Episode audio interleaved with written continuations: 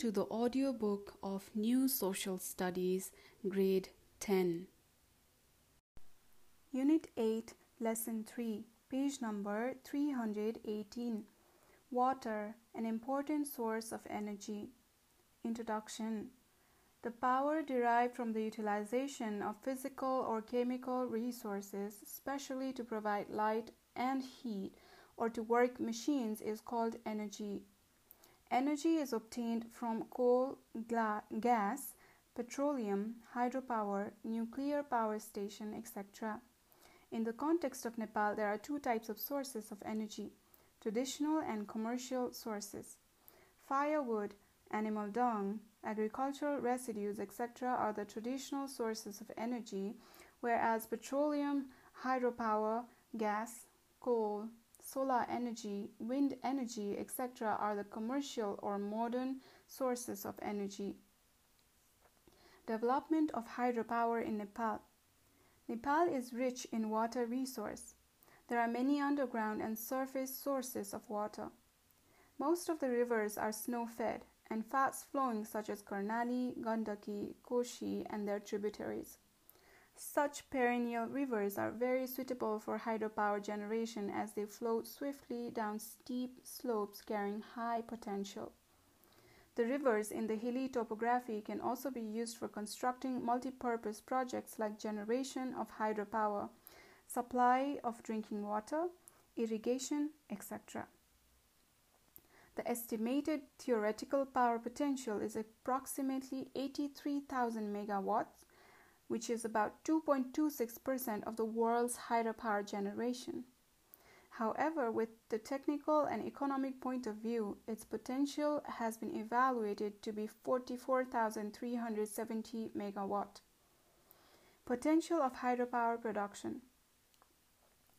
Uh, here we have a table where there's serial number, rivers, theoretical potential, and techno- technical and economic potential. So for Kosi River, theoretical potential is 22,350 megawatts, but technical and economic potential is 10,860 megawatts. For Gandaki River, theoretical potential is 20,650 megawatts. Technical and economic potential is 5,270 megawatts. Karnali and Mahakali rivers, theoretical potential 36,000 megawatts and technical and economic potential 27,360 megawatts. In other rivers, theoretical potential 4,000 megawatts and technical and economic potential 880 megawatts. So total theoretical potential is 83,000 megawatts and technical and economic potential is 44,370 megawatts. Benefits from hydropower generation to Nepal. It helps to reduce dependency on petroleum and maintains balance of payment. It can be used to operate the factories and industries in the country. It helps to reduce the amount of deforestation for fuel and helps in the environment conservation. It helps to earn foreign currency by exporting electricity. It helps in the development of transportation, communication, and generation of employment opportunity. It helps in the modernization and commercialization of agriculture. Present status of power supply. Despite being rich, rich in water resource, Nepal is facing power crisis because of being unable to utilize its potential. Common people, industries, and factories are struggling with low power supply. As of fiscal year 2072 73, Total electricity generated in the country from all the energy sources just amounts 829 megawatt. This is about 1% of the total potential of the country.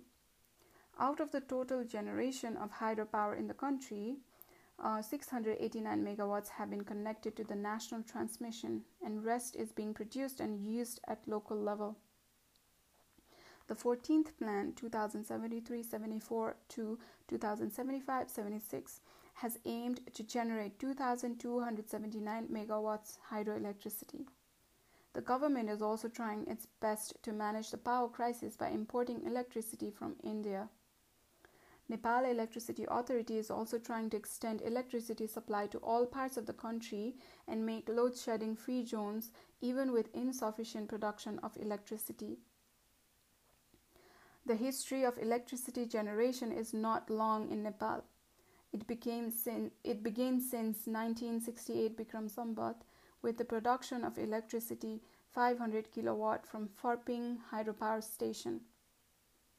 Though um, the electricity is supplied all over the country, only about 56% of the total population is using electricity.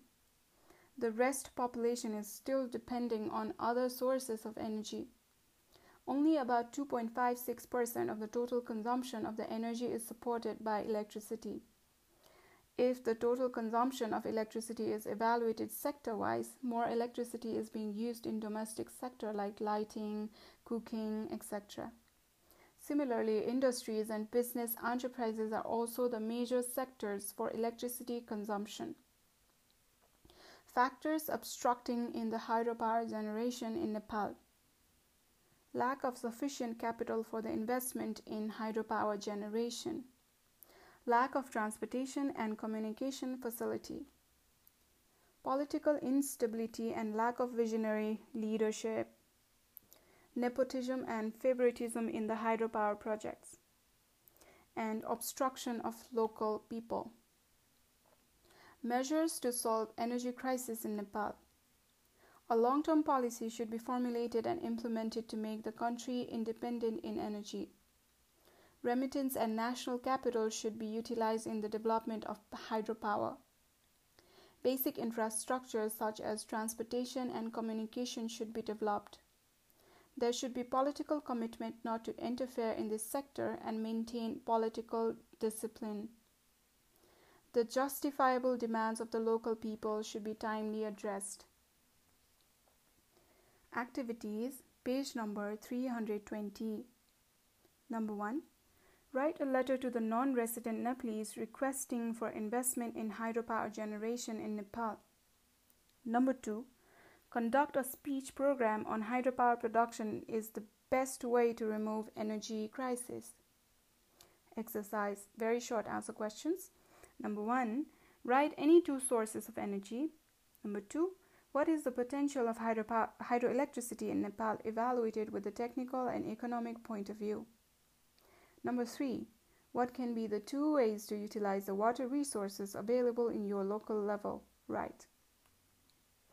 Short answer questions. Number one, discuss on the traditional and commercial or modern sources of energy. Number two, how can Nepal be benefited from the hydropower generation? Mention. Number three, Nepal has huge potential of hydropower. Justify this statement.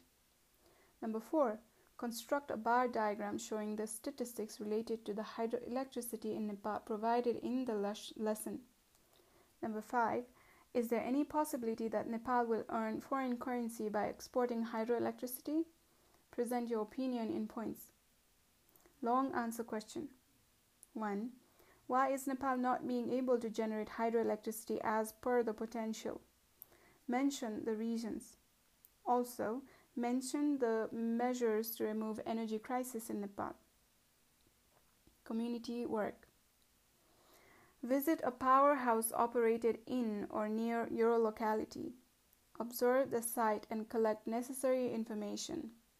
Then prepare a report and present in the class. This is the end of Unit 8, Lesson 3 at page number 320.